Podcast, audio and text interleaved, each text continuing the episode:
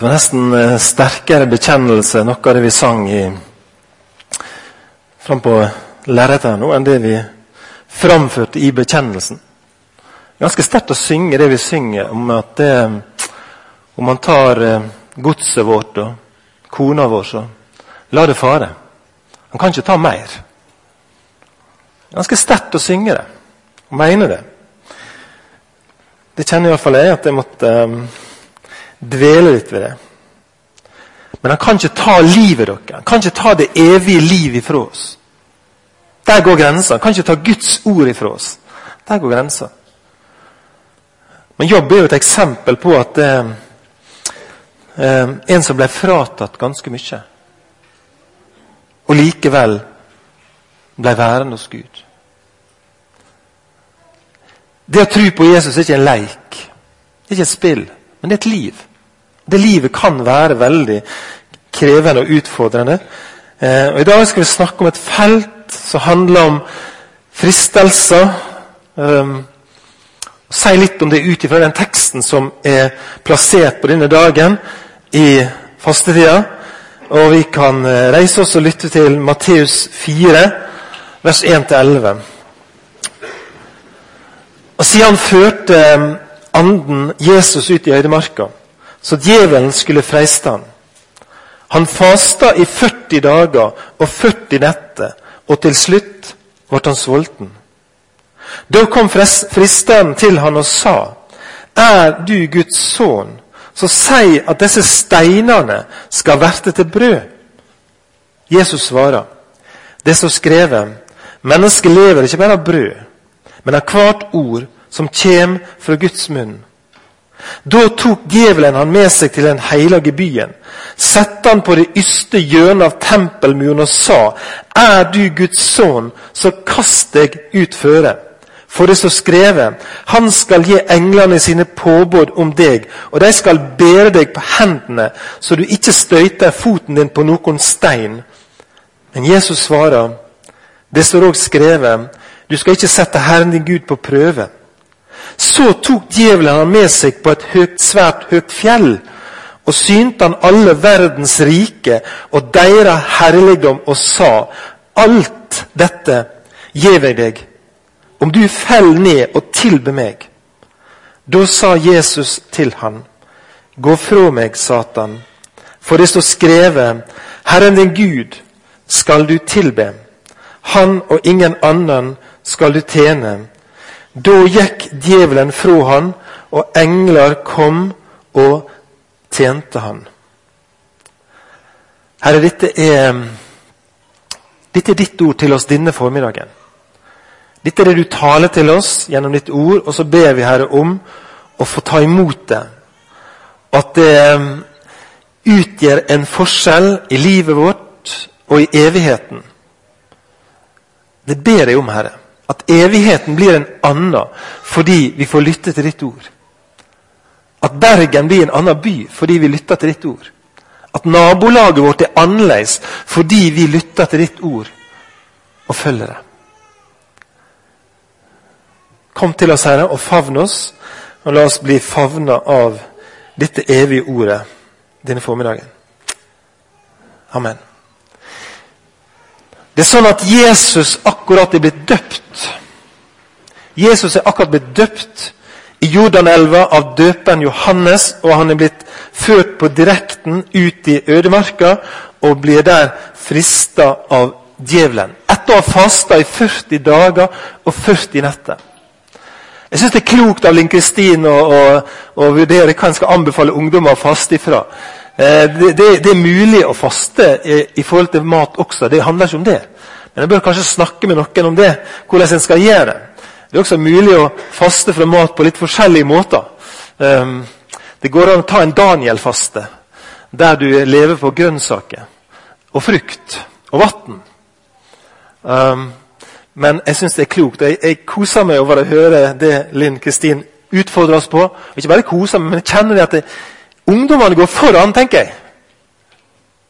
Ungdommene går foran, og vi trenger dem til å pushe oss. 50-åringer, 60-åringer, 70-åringer. Vi trenger dem.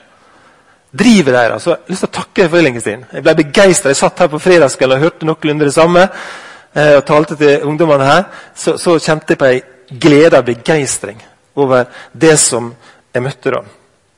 Jesus blir frista. Jesus blir utfordra i ødemarka. Og det er på en måte tre typer fristelser som han blir møtt av ifra djevelen. Og Den første spiller på de fysiske behovene. Rent fysiske, menneskelige behov som vi har. Det handler om at vi trenger noe mat. Og Det nærligger også å tenke på det at det var ikke det akkurat den fristelsen som var den første vi hører om. Det handler om mat, det handler om frukt. Og Jeg har tenkt mange ganger når Adam og Eva ble frista, det var, det, var, det var en dyr kilopris på det, den frukta der. Altså. Vi sier av og til at frukta er dyr, men da var hun virkelig dyr. Altså Konsekvensene av å spise den frukta, det var enorme. En ble frista på, på menneskelig behov. Det å fylle magen. En som heter Knut Grønvik kan skrive en kommentar eh, om at dette er fristelsen til å la materielle behov og begjær være det som styrer livet mitt. Dette er fristelsen til å la jeg bli min egen skaper. Og bli eh, min egen skaper og herre eh, i stedet for å åpne meg for Gud. Og det er ordet som skaper noe i meg. Det er liksom motstykket til det. Guds ordet som vi lever av, som vi nå har sunget om, og som står i teksten, som Jesus sier, det ordet som gir oss liv. Mennesket lever ikke bare av brød, men det lever av hvert ord som kommer fra Guds munn. Og Guds ord er skapende. Sideteksten som ble lest i dag fra Hebreabrevet, det er skarpere enn noe tveegga sverd. Det fins ikke et sverd som er skarpere enn Guds ord. Og det trenger gjennom inn i djupet av våre liv. Eh, og dette livgivende ordet som tilfører tankene våre og trua våre liv, det er viktigere enn brødet, sier Jesus. Det holder liv i oss på en annen måte. Når brødet ikke lenger blir spist, så kan vi likevel leve evig ved Guds ord. Der er noe i det, sier Jesus. Og Den andre fristelsen den retter seg mot sjela, mot sjelslivet. Det å foreta seg noe ekstremt som vekker oppsikt. Skape en slags sensasjon, kanskje. Kaste seg ut for tempelmuren. Jeg så et program på TV i forrige uke. Noen gutter som kasta seg ut for noe stup som er, som er flaggermus. Jeg vet ikke hva det heter engang. Men jeg har bare en sånn eh, jakke på seg. Har dere sett på det? Ekstreme greier! Eh, og Vi kan se det i, i andre sammenhenger. Mennesker som vil gjøre spektakulære ting. Og jeg lurer på av og til, Hva er poenget med det? tenker jeg? Er altfor enkelt til å skjønne at det er viktige eh, samfunnsbyggende poeng i sånn ekstremsport? altså? Er det? Jeg sliter med å skjønne eh, at det er veldig, veldig bra. Ekstreme påfunn, enten det er i Trollveggen i Romsdal eller det er gjennom Nordvestpassasjen i en liten seilbåt som heter Berserk eller et eller annet spektakulært. Jeg sliter med å skjønne det. Jeg forstår ikke helt. Hvis ikke det handler om Og jeg tror kanskje det handler om eh, å skape oss et eller annet. Bli sett på en eller annen måte. Um, jeg håper jeg komme i TV, eller få skrive bok, eller bli intervjua på Skavlan, eller hva det nå er for noe. Um, når erfarne fornuftige mennesker sier dette er ikke lurt, og så gjør de det likevel. Når de prøver å utfordre naturlovene, så er ikke det så veldig lurt. Eh, Jesus kunne ha gjort det. sant? Jesus kunne ha kasta seg ut for tempelmuren, og så kunne han landa i et tre i Getseman om han ville. Eller mellomlanda på taket til ypperstepresten, og så landa fint ned på tempelplassen etterpå. Han kunne ha gjort det. Men Jesus utfordrer ikke naturkreftene og viser respekt for naturlovene. Det er ikke spesielt åndelig dere gjør det, å utfordre naturkreftene. Det er ikke spesielt åndelig eh, å sette seg sjøl og andre i fare ved å utfordre tyngdelova. Det er ikke det. Og iallfall ikke gjør det i Guds navn. Og Det er det Jesus på en måte blir frista på. Men mennesket Jesus, som møtte de menneskelige fristelser som jeg og du møter, han sier du skal ikke sette Gud på prøve. Så møter han en tredje fristelse som på mange måter kan ligne litt på den første. da. Eh, og Det er også å appellere til, til, til, det materielle, til godene? Eh, som gir oss en posisjon. Er ikke det ofte sånn det Det å ha penger gir oss makt. Det å ha status gir oss på en måte makt. Og vi lar oss friste av det. Vi lar oss dra av det. Og I dette tilfellet så er ikke det lite det er snakk om. sant? Altså, Djevelen står der og bare Alt dette her. Så langt øyet ser, gir jeg deg. Det er uendelig. Det er jo noe jeg har drømt om av og til, kanskje. Innimellom. Ubegrensa handlefrihet. Et kredittkort som aldri melder tilbake. Sorry, sånn som jeg har fått i Kiwi av og til. at det, det er ikke penger på konto. Sant? Altså det å bare dra kortet, dra kortet. sant? Vi lar oss friste til det materielle, til godene. Og Jesus blir frista på det. Han er bare et tastetrykk unna dere. Det er bare et nikk, et knefall, så har han det.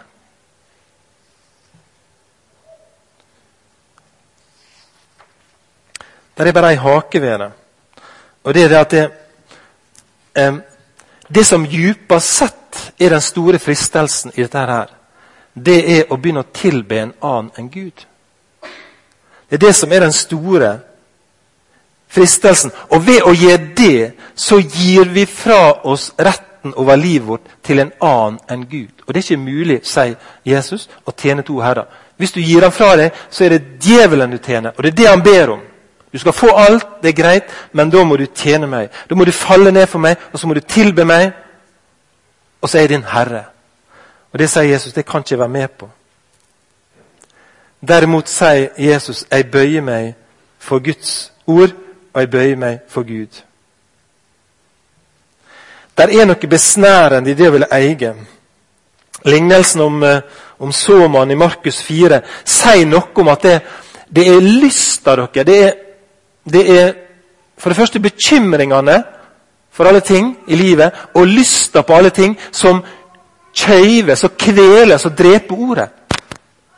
Så det at djevelen vil friste oss med det materielle, det er jo så opplagt. For ved at vi kneler for det, så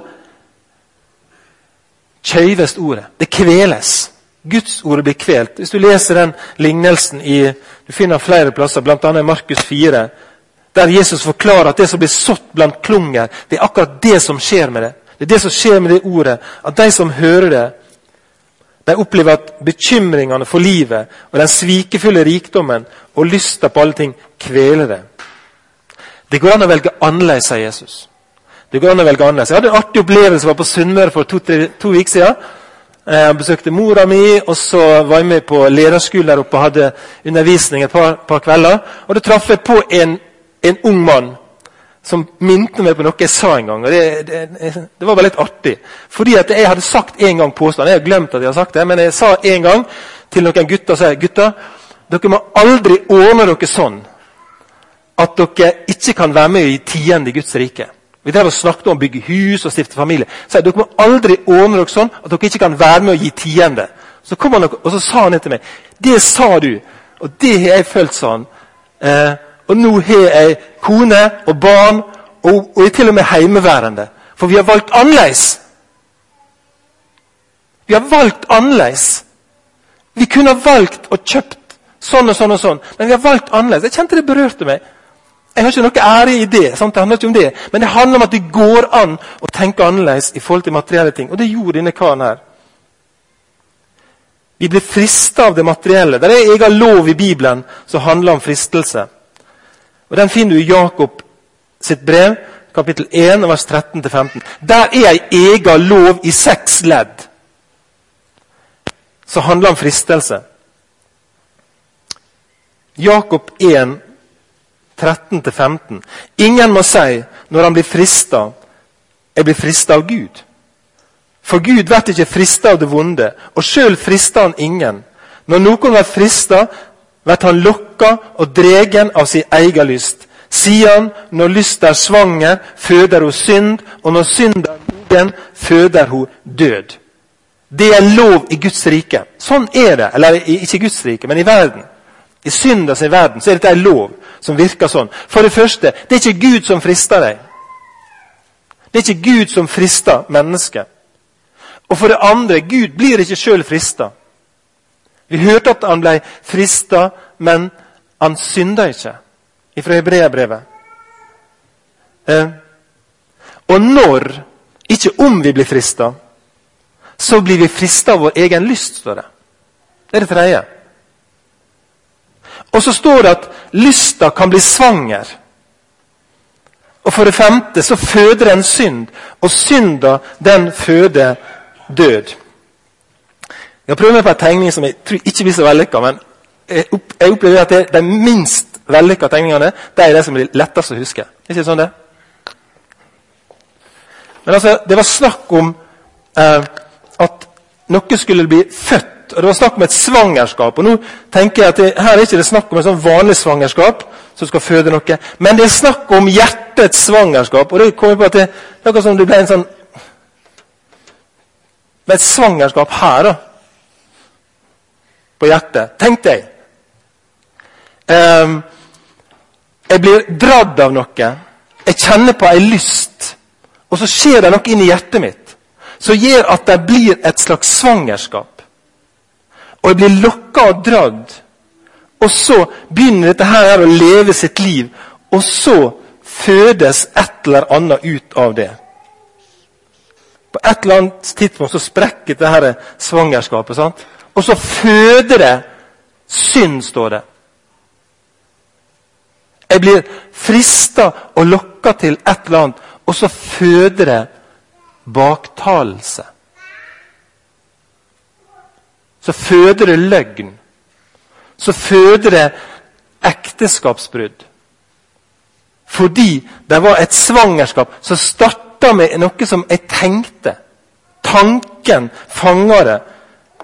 Og eh, jeg ble frista av min egen lyst. Jeg tror det er sånn det virker. Jeg kjenner meg igjen i det i mitt eget liv. At for en tanke okay, Så ligger han der, og så lever han sitt svangerskap. Kort eller langt. Det trenger ikke å gå ni måneder. Det er veldig korte svangerskap. det her, så Plutselig så fødes synd, sier Bibelen. Det er en lov som handler om det. Den føder avgudsdyrkelse. Den føder egoisme. Den føder latskap. Den føder det at vi gir forskjell på folk. Og da sier Bibelen da synder vi. Kjenner dere på den fristelsen der? Jeg kjenner på den ganske ofte. Det er så lett å ville gjøre forskjell på folk. Det er så lett for oss å snakke med de som jeg kjenner og har lyst til å snakke med. Det er så lett å gå forbi mennesket. Djevelen frister Jesus. Og når vi blir frista, så har vi en samarbeidspartner inni oss sjøl.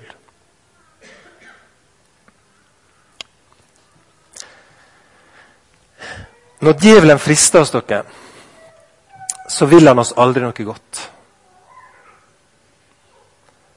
Djevelen har ett mål i livet. Og det er å stjele, det å drepe og det å ødelegge. Johannes 10,10. 10. Det er hans vesen. Så når vi blir frista av han, så kan det virke forlokkende. Eh, men egentlig er det kun død som står på programmet. Det eneste er det han vil. Han vil ødelegge. Han vil bryte ned. Og så angriper djevelen ofte på det svake punktet. Han, han, angriper oss på de behovene som vi kanskje kjenner sterkest på. Snakket med en nylig nå som har, har ikke akkurat bitt ei sånn uh, uh, tau rundt handa, men, men, har blitt enige med sin ektefelle at vi skal faste fra TV og Internett i fastetida. Det blir ikke lett å være på Facebook engang. sant? Blir det det? Går ikke an, det. Nei, jeg skjønte sånn. Um, men så sier vedkommende at jeg kjenner at det, akkurat nå er det ekstra fristende å skulle se på TV. Og Kanskje er det sånn at djevelen angriper oss på det svake punktet. Eh, og Jeg har brukt David som eksempel før, og jeg syns han er et gnistrende eksempel på at det er noe i oss som kan gjøre det lettere, og vi kan bli svakere for å synde dere i enkelte situasjoner. Det står om David i 2. Samuels bok, kapittel 6. Når han er på vei opp til den hellige byen, står det, med eh, tempelkista, og han er jublende glad fordi den skal bli ført tilbake der den hører til. Og Så står det noe om eh, hva som skjedde akkurat da. Han kom dansende glad, hoppende glad. Men da kista ble båren inn i Davidsbyen, så Mikael Saulsdotter ut gjennom glasset.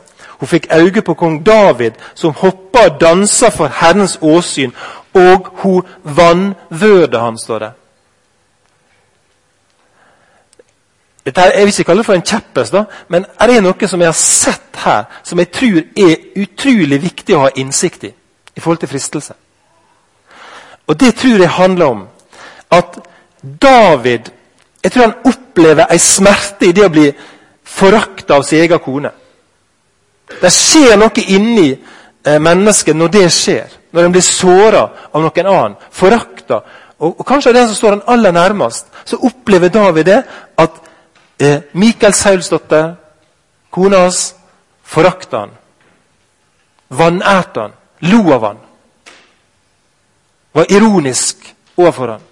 Og Da skjer det noe inni oss. Så godt kjenner jeg meg sjøl at jeg vet at det skjer noe inni meg når jeg opplever det. Og Så tar David dette med seg. og så Noen kapittel senere så går han og suller på et tak om natta og kikker ned på ei kvinne som drev og bada seg. Og så har jeg sagt det før, og jeg gjentar det. Jeg, dette her er kanskje en tekstinnleggelse, men jeg tror det, det skjer noe da. dere.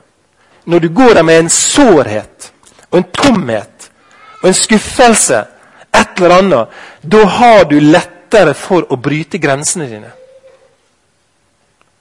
Og Jeg tror at det er noe av det David kan bære med seg, når han da velger å ta Batseba til seg. Det blir en slags sånn trøstespising, om du vil. Jeg fortjener det. Jeg har blitt såra, jeg har blitt ydmyka, blitt håna, blitt ledd av. Og så velger jeg. Det er lettere for oss å synde. Og djevelen elsker å være i sånne situasjoner. Da bare står han på og gir gass og hjelper oss på alle mulige måter til å på en måte skulle tenke og tro at vi har rett til det. Tanken ligger der, og så fødes det noe i hjertet vårt, og så gjør vi det. Det er bare ett problem. Og det er at dette fører til død, sier Bibelen.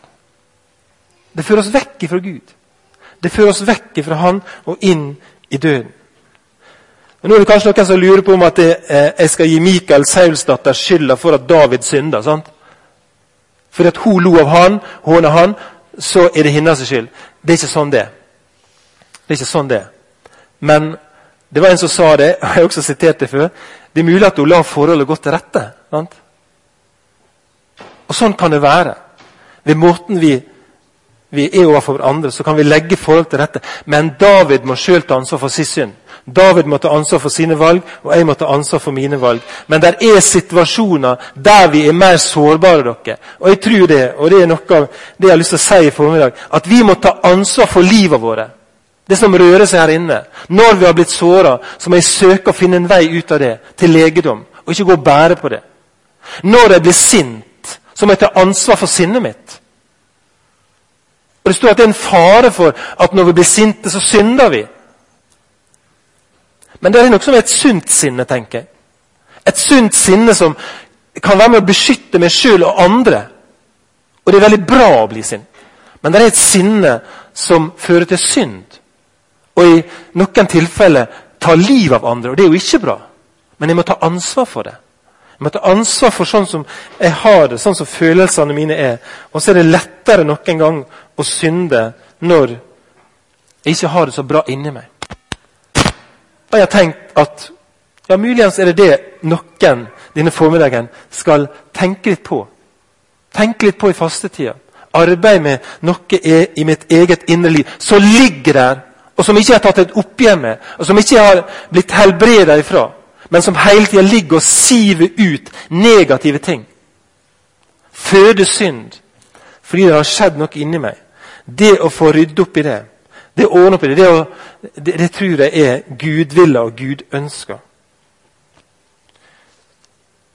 Det står at synda har lett for å henge seg fast ved oss i Hebreabrevet 12.1. Det er utgangspunktet. Det er enda lettere når vi går rundt med ubearbeidet sår, tomhet, skuffelser inni oss. Da er det enda lettere for at synda kan henge seg fast ved oss. Nå har jeg en fristelse, og det forteller om når jeg handler på Rema 1000. og Det skal ikke jeg, for det er mange av dere har hørt om det før. Um, det å bryte sine prinsipp når vi er lei oss. Det å baktale mennesker fordi de har vært litt ekle med oss. Det ligger så snublende nær.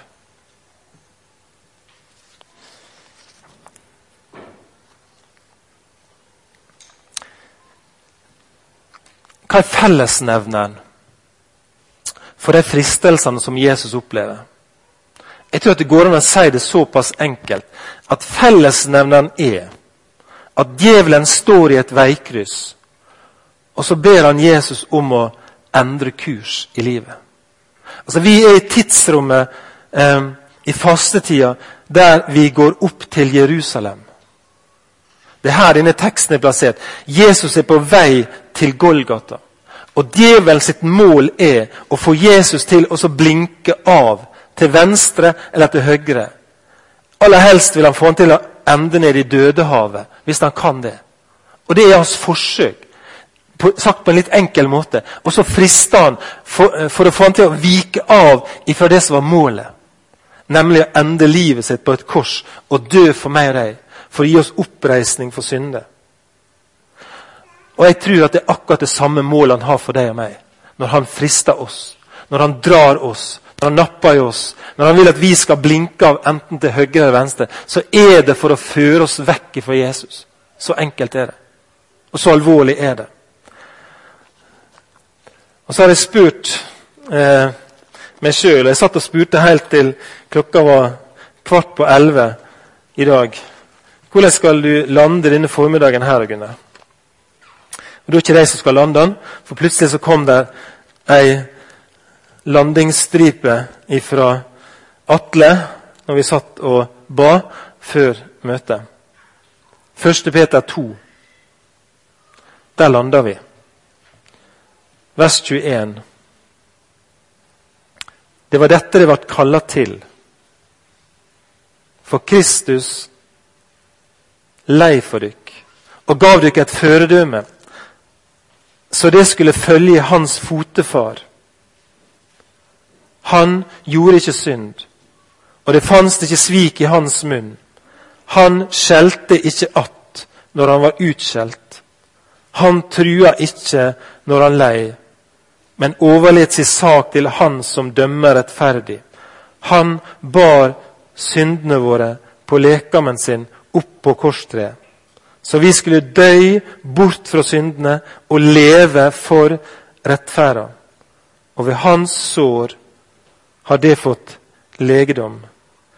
Det var som bortkomne sauer, men nå har det vendt om til Han som er hyrding og tilsynsmann for sjelene deres. Jeg vil lande der. Jeg vil lande denne formiddagen der.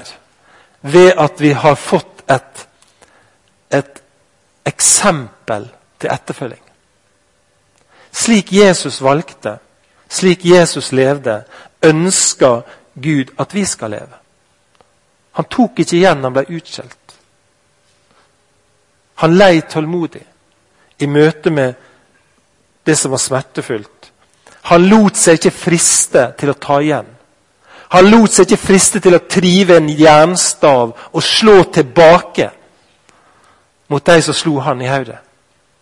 Han lot seg ikke friste av det, men han lei, og så gikk han hele veien opp til korset. Og så dør han for alle de gangene jeg og du lar oss fange. Og må erkjenne at jeg, jeg fødde synd. Jeg lot tanken få være der.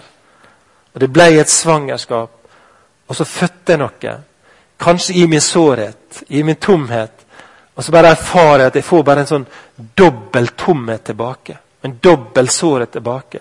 Men for all den sårhet, alle de fall dere, og all den synd som vi har latt oss friste til og bitt på, så er det at Jesus dør på korset. Han bærer det opp der, alt sammen.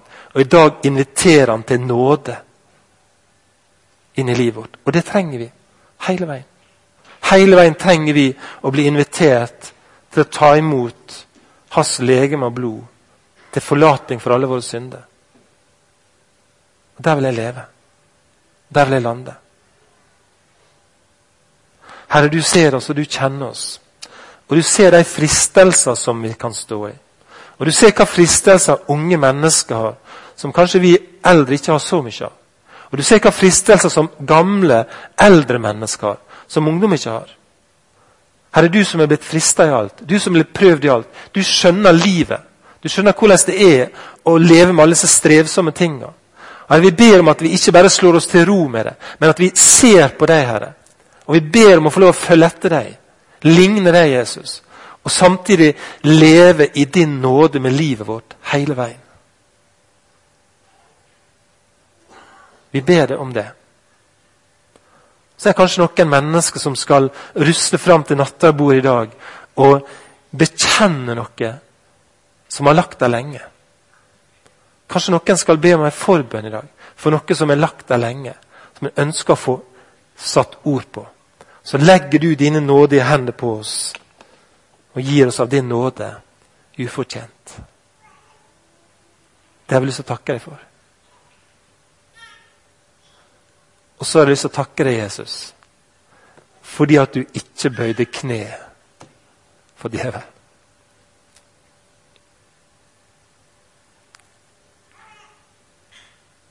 Jeg vil så takke deg fordi at du bøyde deg for din far.